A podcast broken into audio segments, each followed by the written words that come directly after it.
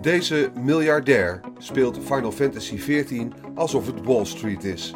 Ook in deze game is geld macht. Geschreven door Bastiaan Vroegop voor Laatscherm.nl. Ingesproken door Arjan Lindeboom.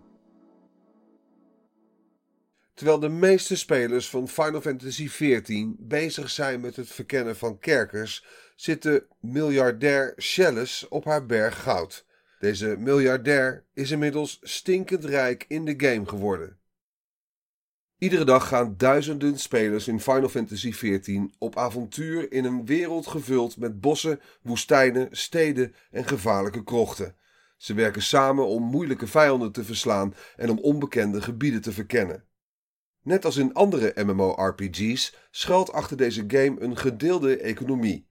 Gamers verzamelen voorwerpen uit de spelwereld en bieden die te koop aan, waar anderen weer drankjes, voedsel, wapens en panzers van maken om voor een meerprijs aan te bieden.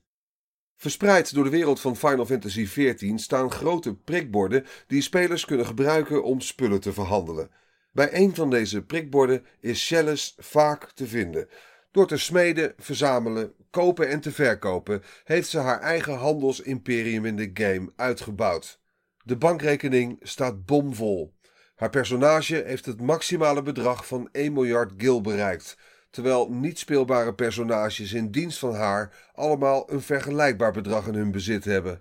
De teller staat op deze manier al op 9 miljard gil. Meer kan Chalice niet bezitten zonder een totaal nieuw personage te starten. Chalice werkt in de echte wereld vanuit huis als financieel consultant. Daarnaast springt ze vaak bij op het gebied van human resources. Dit werk heeft me ontzettend veel geleerd dat ik in de game kan toepassen. Er is haast geen verschil tussen hoe de echte wereld en virtuele wereld soms werken.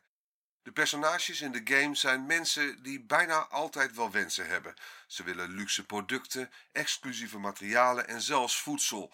Alles uit de piramide van Maslow bestaat in deze game.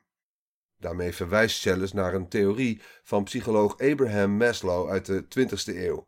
Volgens Maslow hebben mensen over het algemeen vijf wensen: lichamelijke behoeften, veiligheid en zekerheid, sociaal contact, erkenning en waardering en zelfrealisatie. Voorzie in de behoeften van spelers en je bent in no time rijk, denkt Chalice.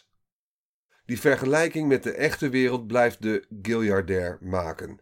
Op de MMO-zakenmarkt zijn fraudeurs bijvoorbeeld net zo'n groot risico als in de echte wereld. Als je wordt belazerd, doen de spelbeheerders niks om je in zo'n situatie te helpen. Je zult het zelf moeten oplossen. En net als in de echte handelswereld is een goed netwerk met mede-ZZP'ers een must.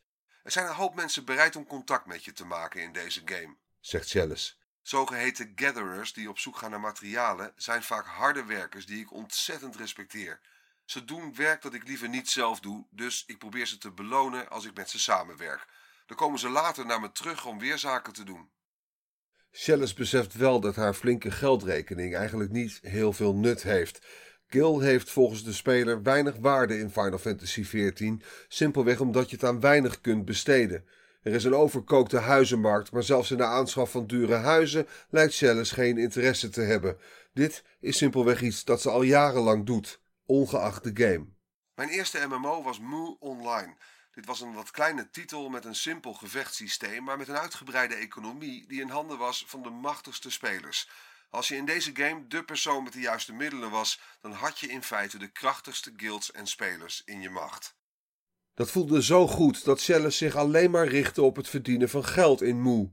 Dat heeft ze daarna volgehouden in Ragnarok Online, Lineage 2 en Terra. Iedere game leverde een andere ervaring op zodra er grote hoeveelheden geld beschikbaar kwamen. In Lineage 2 kon je bijvoorbeeld een clan omkopen om een kasteel te veroveren. Op die manier kon je koning worden.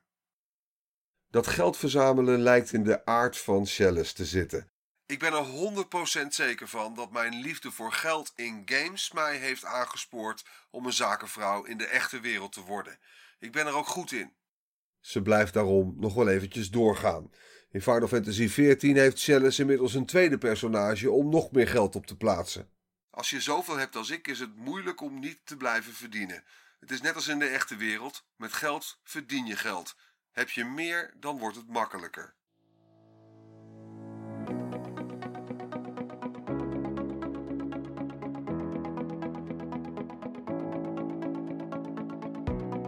Dankjewel voor het luisteren naar Laatscherm voorgelezen.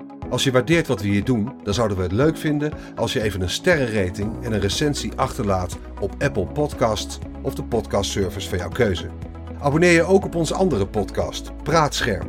En ga voor deze en meer verhalen, geschreven of gesproken, naar laatscherm.nl.